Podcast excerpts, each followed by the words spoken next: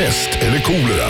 Jajamensan, vi ska alltså eh, välja mellan två onda ting här. Och det är ju chefen som har kommit in med eh, pest eller kolera, som idag låter så här.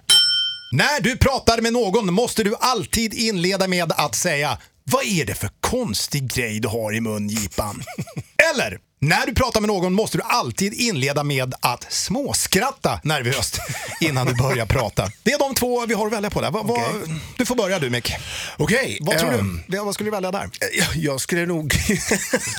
jag vet inte, jag tycker båda är väldigt roliga. Alltså. Ja. ja, alltså tidigare veckor har det varit lite mer uppenbart. Idag känns det lite mer sublimt där. Men ja, kommer du fram till någonting Mick? Eller? Ja, alltså jag tror nog ändå att jag skulle välja att eh, skratta lite. Vad var det, man skulle skratta? Ja, lite småskratta, lite nervöst. Ja, just det. Sådär, va? Jag skulle nog göra det. Alltså?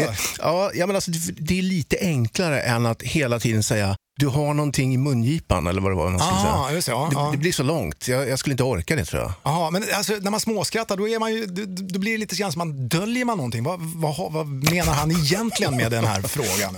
Kan jag känna då. Jo, Nej, jag, skulle, ja, jag skulle välja att i så fall säga, vad har du för något konstigt i mungipan där? Faktiskt, därför att jag, är, jag känner att jag är väldigt så här, på, ganska frank, rakt fram på något vis. Så att, eh, Jag skulle inte ha något problem med, med att gå fram till kungen och säga, hörru du, vad har du för konstigt i mungipan där? Tjena kungen för övrigt, hur är läget? Förstår du? Liksom, Ja, det, precis. det är ju mer min jargong. Va? Så att, Ja, ja. För mig skulle det vara enklare att, att, att följa den linjen. Mm. Eller som jag skulle uttrycka det. Tjena kungen.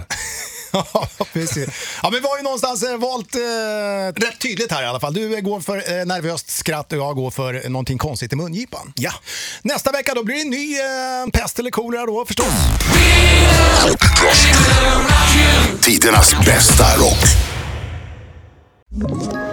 Ett poddtips från Podplay. I fallen jag aldrig glömmer djupdyker Hasse Aro i arbetet bakom några av Sveriges mest uppseendeväckande brottsutredningar. Går vi in med hemlig telefonavlyssning och, och då upplever vi att vi får en total förändring av hans beteende. Vad är det som händer nu? Vem är det som läcker?